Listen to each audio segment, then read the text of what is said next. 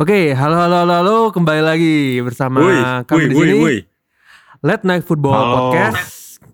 Udah terasa kali ini kita sudah berada di episode ke-9. Nah, Sembilan. untuk kali ini, eh, ini buat teman-teman yang mendengarkan di Spotify, ini suara saya, saya Revindo Kurniawan dan rekan saya. Dan aku Ridho Aziz. Nah, untuk episode spesial kali ini kita mendatangkan Uh, spesial nih. kurang lebih dan tidak lain adalah yaitu dengan Mas siapa ini? Roni Sibarani. Uh, Roni Kibarani. Ron, Roni, Ah. eh Ron, Ron, nah jadi. Yup. Hmm. Oke, Yup. kali ini langsung saja tanpa membuang waktu lebih lama kita masuk ke sesi pertama yaitu kuis. Siapakah dia? Musik. Oke, untuk teman-teman yang ada di pen- so, untuk para pendengar juga ingin kalau ingin ikut men- menebak ya silakan. Kali ini eh rulesnya seperti ini Ron, Eh, Roni. Jadi nanti kita aku bakal sebutkan eh, clue dari pema- pemain-pemain ini. Kalau Hmm. kalian ada yang tahu, langsung aja sampaikan kalau kalian tahu dan nanti aku kasih kesempatan untuk menjawab. Bisa dimengerti? Nice. Oh, Oke kakak. Oke. Bisa, Kak. Kali ini kita langsung Kak. saja. Clue pertama adalah siapakah dia? Hmm. Pemain ini pernah bermain di beberapa klub besar di beberapa negara. Salah satunya adalah Inter Milan, Juventus, Arsenal. Aku tahu. Ah, Ih, aduh, Aku tahu. cepat. Rido, silakan. Patrick Vieira. Betul. Dengan tadi cepat. saya mau bilang itu. Nggak ada lawan. Ah, Gak ada lawan. terlalu mudah, terlalu lawan. mudah ini kayaknya. Kacau, kacau, kacau. Terlalu mudah dong, yang susah dong. Gimana sih? Yang mudah yang Next, next, tahu. next. Entah. Nah, Nanti kami nanti, nanti kau Tamu, coba di tamu. episode episode berikutnya ya. Kita undang buat main Hmm. kuis aja tapi. Ya, ya udah deh. Oke, oke kak. Oke. Kita langsung aja ke topik pertama nih. Hmm. Eh, terkait eh sorotan di game week kemarin. Di antaranya yang pertama itu Hmm. adalah Manchester United yang menang melawan Newcastle United di mana Uh, Sang Siapa Cristiano lagi? Siapa lagi tidak bukannya memecahkan rekor Hmm. dengan view terbanyak di Inggris 8,6 juta view. Nah, aku langsung aja nih Uh. dari Rido gimana do terkait laga kemarin do? Uh, uh. Apakah ada hal-hal menarik selain Cristiano Hmm. di laga itu atau Cristiano sendiri bintangnya? Nah, ini dia, Pin. Gimana? Eh, kalau aku sih lebih ngeliatnya gini ya. Eh kedatangan CR ini kayak ngasih efek domino gitu loh. Hmm. Maksudnya bukan cuma ke strateginya Ole, tapi juga ke pemainnya nih. Hmm. Yang aku lihat ya dari laga kemarin aja saat dari lawan Newcastle itu paling enggak ada tiga orang yang baik itu langsung atau enggak langsung ya, emang berpengaruh kali datangnya CR tuh bikin mereka ini agak apa ya berbeda dari biasanya gitu. Yang pertama udah jelas lah Bruno ya. Di Portugal juga mereka nggak nggak worse lah. Kemarin tuh Bruno kayak babak pertama ya terlebih itu kayak masih kaku terus kayak eh, apa ya takut gitulah. Ibaratnya kasarnya takut lah sama CR gitu. Bruno, Bruno satu. Terus yang kedua Sancho. Sancho ini apa ya? Aku nggak tahu sih. Eh, biasanya kalau aku lihat tuh emang dia lebih eh, lebih main ke sisir lapangan aja di kiri terus. Cuma kadang-kadang juga bisa cut inside. Cuma kemarin tuh nggak tahu ya. Mungkin karena emang dia fokus ngasih open ke CR dan fokus juga back pass ke Pogba jadinya agak aneh gitu loh mainnya Sancho. Nggak tahu juga sih mungkin gara-gara baru satu game ini ya jadi inti. Yang ketiga Shaw nih. Shaw ini eh, dominannya dari dari dari Sancho. Shaw ini biasanya seperti yang kita tahu lah emang dia eh, fullback kiri bisa dibilang terbaik dunia saat ini lah. Dia biasanya tuh eh, beroperasi di kiri terus, maksudnya sering ngasih umpan ke depan, sering ngasih umpan bagus juga striker. Cuma pas laga kemarin itu lebih banyak main ke tengah ya. Mungkin dari yang bilang tadi efeknya dari Sancho sih. Cuma secara permainan ya MU ya kayak gitulah. Terlebih lawannya kemarin eh, parkir base ya, jadi ya mereka otomatis megang bola. Oke. Itu kalau secara permainan. Dari nah, no comment. ini kita bawa nih ya. eh, Roni Sibarani nih, Hmm. fans MU. Bagaimana Oh, iya. Ron sebagai perspektif fans MU lihat laga kemarin? Ada sesuatu yang spesial di laga ini? Sebagai fans Madura United kan? Ya kalau dari Roni si Roni Sibarani ya, Iya. Yang spesial itu ya masih berfokus sama Bang Do aja, Bang Ronaldo. Hmm. Setuju sama Rido sih tadi itu emang Ronaldo ini bikin warna baru lah.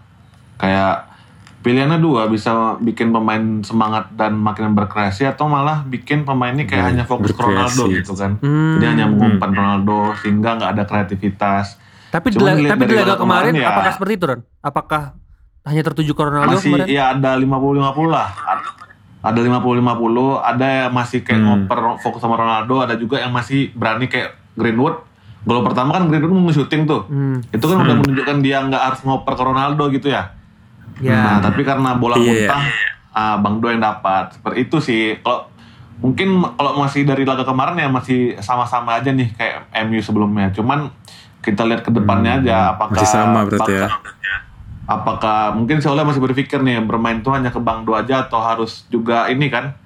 Dan satu lagi setuju sama Bang Rido tadi masalah Bruno. Bruno juga masih inilah masih bingung-bingung gitu. Adaptasi juga kan. Kan sama ketuanya Hmm. Bang Do di Portugal juga kan langsung ketemu.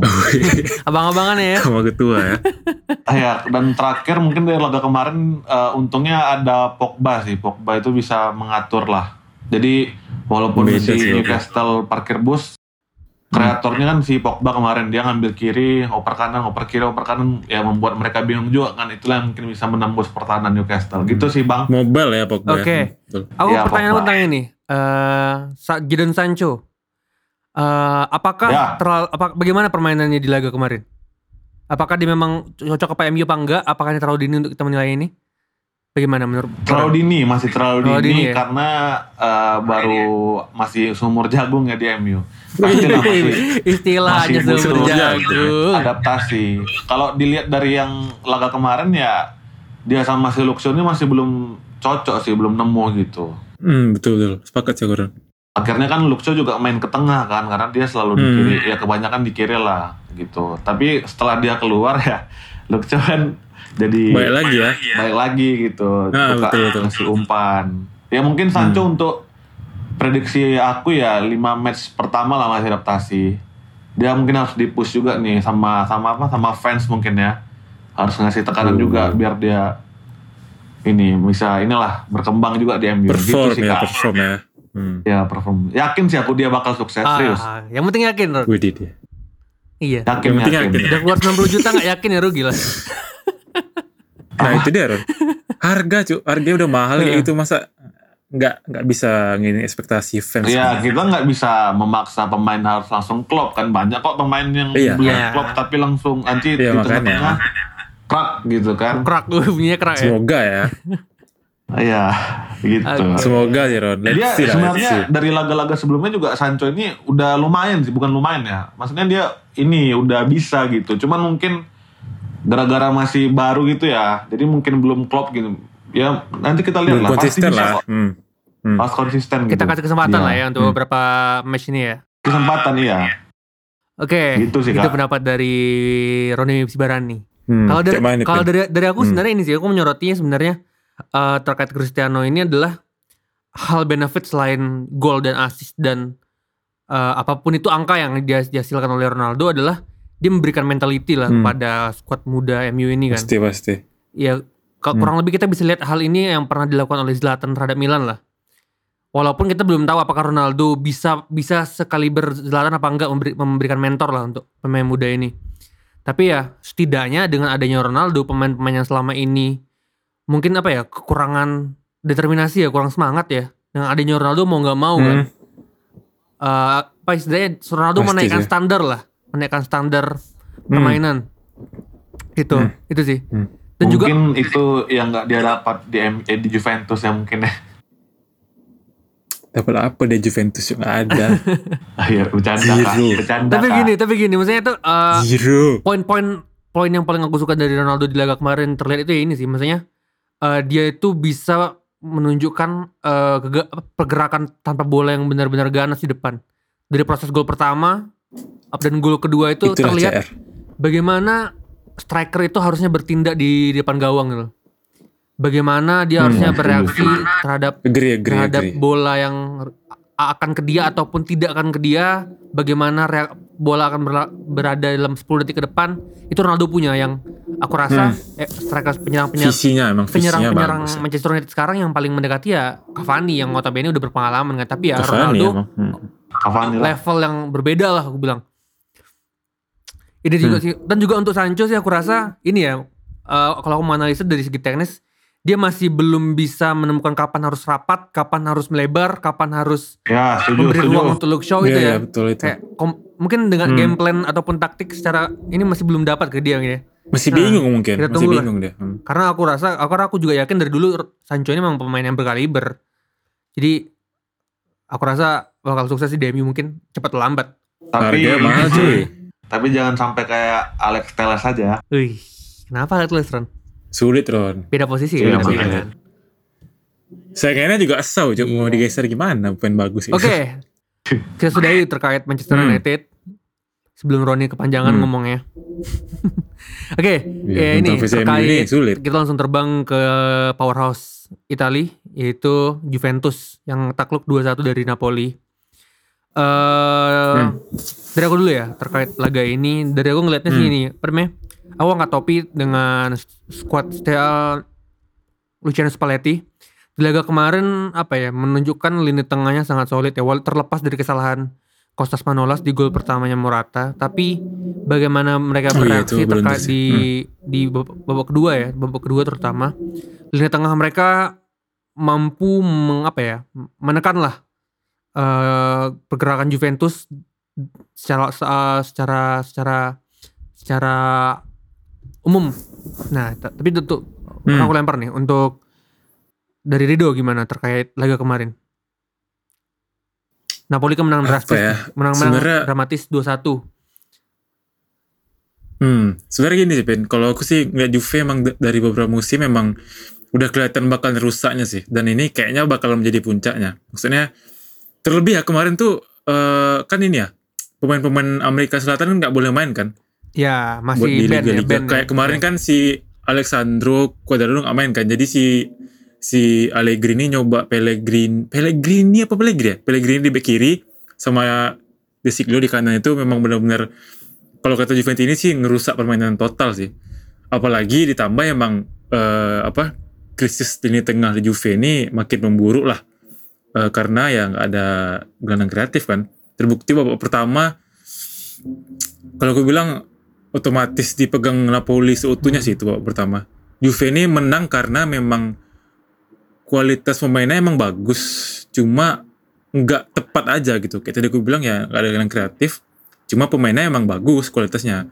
Nah babak kedua le- lebih hancur lagi tuh. Maksudnya banyak blunder blunder blunder kosong. Terus juga yang babak kedua kan itu eh, blunder si Moiskin kan, corner tiba-tiba dia kayak ngapain dulu ke belakang. Iya, Chesney juga mencoba nangkap Ah, ah, ya itulah. Mau ganti mau ganti CR nyetak gol gawang lawan malah gawang sendiri sih kayak. Tapi ini sulit sulit. eh, Manuel Locatelli apakah hmm. memberikan hak nafas segar di lini tengah Juve? Apa gimana? sangat sangat. Sangat sangat ya? sangat. Eh, tapi ini Pian tapi bukan kreatif ya. Maksudnya dia tuh lebih ke kayak mungkin kalau yang sekarang yang di hot ya Jorginho di Chelsea lah Hmm, lebih ke dalam dia lebih ke lebih ke belakang lah cuma buat kreatif belum nemu sih Juve Oke. Untuk Napoli sendiri Itu gimana menurut kau? Apakah bisa ini menunjukkan taji mereka bisa berbicara banyak di Serie A? eh kalau aku ngelihatnya enggak sih Ben soalnya secara kedalaman squad mungkin kayaknya bakalan sama kayak Milan tahun lalu ya mungkin mungkin ya mungkin bisa juara pada musim kayak Napoli bisa lah bisa Hmm. cuma dengan kedalaman squad kayak gitu aku big no sih buat Napoli buat kalau misalnya juara Oke. Ini hmm, khususnya Ron betul eh, aku mau tanya Roni tentang ini. Kan Juve fansnya udah berstatement nih. Who needs Cristiano? oh ya banyak bubar ya banyak Who bubar banyak bubar nah, gimana Ron menurut kau? Juve apakah Cristiano membuang Cristiano ini keputusan tepat? Apa gimana? Ada tepatnya ada enggaknya sebenarnya. Bagaimana tuh? wih Kalau aku sendiri eh, Hmm. nggak tepatnya itu eh, buat Juve ini bakal apa ya kayak bik- bakal Kesulitan lah ya, ya. kesulitan lah menemukan Hmm. ujung tombak gitu ya. Tapi di Betul. sisi positifnya pemain-pemain yang sempat tenggelam kayak Dybala mungkin ya. Hmm, Iya, betul, mungkin- Dybala. Good point, good Ah, point. Itu mungkin bakal bakal eksplor lagi mungkin ya. Cuman mungkin masih butuh harusnya sih waktu. Ron Iya, itu sih Hmm. Pin. di sisi lain ya Juventus juga harus nyari pemain bakat yang lain gitu kan nggak hanya harus bertemu sama Ronaldo kayak dulu Hmm. gitu Iya Itu sih, tapi Aku- mungkin sebelum musim-musim bikin dah. Kalau aku percaya, aku percaya dengan Bernardeschi sih bisa melanjutkan ini. Tapi mungkin Itu nambah satu ya nambah satu mungkin yang Oh ya betul betul. ya terlepas aku juga nggak terlalu mau menyukai Liga Italia yang dilihat dari Juventus ini mungkin kipernya Ah, sih? ini Ya. sih. Kenapa Ron? Kiper kenapa Ron? Aku nggak- top, karena aku ngelihat highlightnya juga dari yang kemarin tuh kan gol pertamanya gara-gara kipernya Iya, Ya, jadi mungkin itu- Yes, nih. Ya mungkin pelatih pelatihnya uh, harus banyak mutar otak lah ya tapi gimana ya, cara tapi ini ya. tapi untuk masalah kiper sih kita sudahi aja ya karena emang sulit untuk menghilangkan kebiasaan di Arsenal ya. ya kan iya, mantap. Sudah Oke, sudah sudah sudah sekarang. sudah. Itu, itu sulit lah. Paham, paham. Sulit sulit lah ya kita. kan kita. Arsenalnya Itali Oke. uh, Amin. Eh, di di liga yang sama ada juga big match lainnya. Mungkin singkat aja nih. Milan yang Nah, ini berhasil baru seru. Milan yang berhasil mengalahkan Lazio 2-0. Gimana, Do? Hmm. What happened in that match? Sebag sebagai fans Sandro Tonali garis keras Wih. ya. Walaupun aku tuh banyak ngeritik dia ya karena Iya. aku apa ya emang dari Ekspektasi dari ya, basket ekspektasi suka dia. ya. Terlalu tinggi kalau aku pin. Nah. Nah. kemarin pas lawan Lazio bener-bener menjawab apa ya? Menjawab kegundahan aku selama ini kayak pemainnya kok jelek kali ya. Tapi kemarin emang dia buktiin sih, emang itulah Tonali yang kita cari. Selebihnya kayaknya emang Milan ya gegen pressing ala Piolinya emang benar berjalan. Lazio nggak bisa di apa? Sari bolnya nggak nggak bisa bergerak sama sekali. Tengahnya mati karena kan kuncinya di situ kan tengah kan. Hmm. Benar mati sih. Dan ya kita tahu lah Ibra sama kayak CR lah. Dia memang positioningnya bagus. Udah gitu aja. Pokoknya the best lah malam kemarin. Suka kali aku Tonali. Hmm, tapi man of the match-nya menurut kau gue. Tonali? Tonali lah. Jelas sekali. Tonali ya. Tak peduli aku MVP dari siapa Milan itu. Official lah. Eh, kalau kalau dari aku ya untuk laga kemarin itu Milan dan Lazio aku nyoroti ini sih maksudnya tuh eh, kecerdasan eh, Pioli untuk menghadapi Saribol sih. Dia tahu tepat Hmm, iya mengunci itu. lini tengah ini. Karena kita tahu kan sebenarnya Itu dia. eh, nyawa dari Lazio ini adalah SMS Milankovic Savic dan juga Luis Alberto. Dan strikernya Hmm, tiga striker strikernya kita tahu kan nggak punya nggak punya kemampuan lebih untuk explore sendiri. Kita lihat aja di Azuri dia Hmm, gimana manja. kualitasnya ya kan. Jadi Hmm. itu sih maksudnya aku angkat angkat angkat topi sih untuk Pioli terkait kualitasnya dan juga eh, To- Tonali aku setuju. Maksudnya dia punya masa depan yang cerah lah kalau dia masih tetap main seperti ini. Terlebih besok Oh, lawan sangat, Liverpool kan. Sangat, Makin, sangat. teru- makin teruji lagi nih Hmm. squad Pioli. Oke. Semoga, semoga dia dapat kesempatan main sih. Tapi Ron, aku nanya buat kau Ron. Kemarin kan Zlatan Ibrahimovic nyetak gol nih. Mantan pemain MU juga. Di usia 39 tahun 11 bulan. Bulan depan umur 40. Baru habis 40 cuma. sembuh cedera Bayangkan lutut yang kau. gak main dari bulan Mei. Langsung mencetak gol di laga debutnya. Gimana menurut kau Zlatan Ibrahimovic? Iya, gimana ya? Memang mungkin dia masih punya taji. Kalau mau dibandingkan Uh. sama Herman Zuma, Zumafo Epandi ya. Sudah berapa umurnya kak? dong. Sudah berapa umurnya gitu? Kenapa nggak sekali Masih kayak Mbagam dibandingkan tuh ya? Atau Eloko? Ah, kayak Mbagam gitu kan. Terry Gattusi, Ron, Terry Gattusi. Iya. Ya mungkin Ibra ya mungkin yang terbaik aja deh buat Ibrahim Ibrahim lagi Ibrahimovic ya. Ibrahim. Iya, Ibrahimovic betul. Oke. Mungkin dia bisa meningkatkan semangat junior-juniornya itu yang diharapkan ya. Oh, sangat Ron. Oke. Sangat itu. Kita sudahi tentang Italia. Nah, ada lagi salah satu, satu topik terakhir Hmm. yaitu beberapa nama yang berhasil yang perlu yang perlu di, disoroti lah Hmm. yang berhasil men- eh, melakukan debut di game week kemarin. Di antaranya ya? adalah yang pertama adalah Antoine Griezmann. Anything Hmm. happens dengan Antoine Griezmann tuh gimana? Ya, apa ya? Emang dia balik ke Atletico itu keputusan yang tepat sih buat aku. Tepat ya berarti ya? Karena ya itu apa ya? Eh ini Pin, eh kalau kulihat di Barca dua musim belakangan ini dia kayak apa ya? Kehilangan jati dirinya gitu loh. Hmm. Maksudnya Griezmann yang di Atletico sama Sociedad terlebih di Prancis tuh nggak kelihatan di Barca. Karena kan dia berbagi peran sama Messi kan. Sementara kayak di Atletico, di Prancis itu dia emang jadi tumpuan utama. Jadi dia mirip-mirip Bruno sama CR lah. Tapi ini bakal gak sih? Kayak gitu Oke, lah. aku aku bilang. Barcelona tuh bahkan dia bermain out of bukan di posisinya gak sih? Sempat main di sayap kiri. Iya dia kan dia bilang dia bilang sendiri kan Hmm. dia main di atas kiri sebenarnya dia nggak suka kayak gitu dia tuh lebih dia tuh lebih lebih fasih tuh mainnya di belakang striker lah. Hmm, betul. Nah aku kemarin dia duet duet sama Suarez itu benar-benar bagus sih kalau gue bilang. Cuma emang kayaknya eh, nggak nggak la- apa lagi nggak hoki aja dia nggak bisa nyetak gol. Dan akhirnya diganti babak kedua. Cuma selebihnya Griezmann is back aja udah. Oke, nama yang lainnya itu adalah Kamavinga. Siapa lagi ya? Kamavinga pin. Hmm. Gimana tuh? Cetak gol, Kalau Madrid menang Kamavinga telak 5-2. nyetak gol, aduh nyetak golnya juga nyetak gol dari langit sih. Itu rebound Modric. Cuma secara permainan apa ya? Yang ngasih nafas baru sih. Kalau misalnya dia main tiga gelandang ya, tapi kemarin kebetulan empat gelandang masih belum kelihatan. Cuma dari cara bermainnya emang berbeda dari tiga gelandang Madrid yang dipakai sih. Modric, Kroos sama Casemiro sangat-sangat berbeda sama si Kamavinga secara permainan. Tapi kemarin Kamavinga itu bilang sih di- mungkin kemarin tuh ditaruh dia ini ya, agak ke depan ya. agak ke depan. Hmm. agak di kiri sih Pin. Soalnya kemarin Iya. tuh yang dia itu masuk menggantikan Hazard. Jadinya lebih beroperasi di kiri.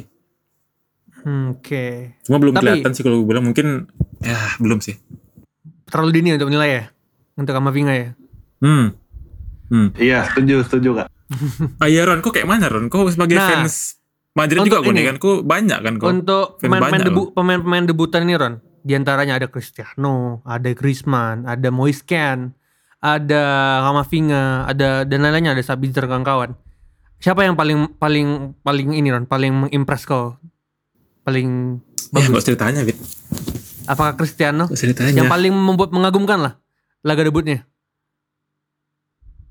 Iya, itu masa ditanya. Eh, Iya. Mando lah, Aduh, Bang. Orang salah nanya kok Pin. Pin. Fans MU ini kan gelap mata semua. Cuman ada satu orang yang bikin pertanyaan nih. Mau aku sebutkan atau tidak nih? Wah, sebut aja, spill aja. Siapa, apa. siapa? itu? Boleh, boleh, boleh. Tomi, Tomiyasu. Wow, aku lupa sebutin. That's a good point. That's a good point. Saking seringnya membahas Arsenal aku jadi lupa. Oke, Tomiyasu singkat aja sih Tomiyasu. Aku masukin insight aku. Hmm. Aku eh, Hmm. respect dengan pemain ini kita udah bahas ya dari dari episode sebelumnya bahwa pemain ini memang pemain pemain berkualitas lah sebenarnya Bagus. di Serie A. Hmm. Dan Bagus, kemarin di. Arsenal lawan Norwich dia dimainkan di babak pertama nge- sebagai bek kanan. Dan dia memberikan lah, memberikan gaya baru lah untuk Arsenal dari transisi dari belakang ke depannya. Dan apa ya? Secara bertahan dia solid itu kan paling paling yang paling penting sebenarnya di Arsenal yang kekurangan lah. Solid dalam bertahan. Duel udaranya juga bagus tuh. Siapa cuk? Tadi cuk. Oke, gimana dong kalau try Tomiyasu dong? Siapa cuk? Tomiyasu, aduh. Inilah yang dibutuhkan Arteta selama ini. Hmm, kirain Apa butuh ya? pengganti ya? Defender. Bukan. bukan, bukan, bukan. Maksud aku, kenapa dibutuhin Arteta? Apa ya? Ke- kebiasaan Arsenal tuh kalau dari back itu kebanyakan Tierney sih dari kiri. Nah ini dia yang dibutuhin si Arteta. Terlebih si Tomiyasu ini emang tipikal Asia lah. Eh, apa ya bermain efektif aja gitu. Kemarin Ya, emang babak pertama pas dia main tuh apa ya? Eh, nggak banyak nggak banyak nggak banyak bacot lah kalau kita bilang tuh. Ya satu dua lewat satu dua opor satu dua lewat gitu gitu aja. Hmm. Jadi emang ini yang dibutuhin Arteta. Ah, kalau aku bilang sih eh, mungkin Arsenal titik baliknya mungkin pas Tomiyasu datang kalau gue bilang. Mungkin bisa lah dia naik ke na- 15 besar lah. Atau 14 atau 14 besar masih bisa. Oke Arsenal. Kalau mau lebih bagus lagi ganti pelatih. Ah, ingat Arsenal. Oke. Ganti tim sih. Yup. Oke. Cah. Ah, that's it untuk episode kali ini. Ah, terima kasih untuk Roni Paulus ya. Hmm. Roni Paulus Ibarani sudah membantu kita pada episode Wih, kali makasih, ini ya. Terima kasih Kita tunggu di Manchester United. kita, kita undang di episode episode Juara, berikutnya MU lagi. juara. Ya, kalau MU juara spesial kita bikin episode untuk Roni. Oke, that's it semuanya. kali ini saya Revin Kurniawan bersama rekan saya Sergio Aziz. dan bintang tamu kita. Saya Roni Siberani. Oke, terima kasih semuanya. Sampai jumpa di episode berikutnya. Ciao.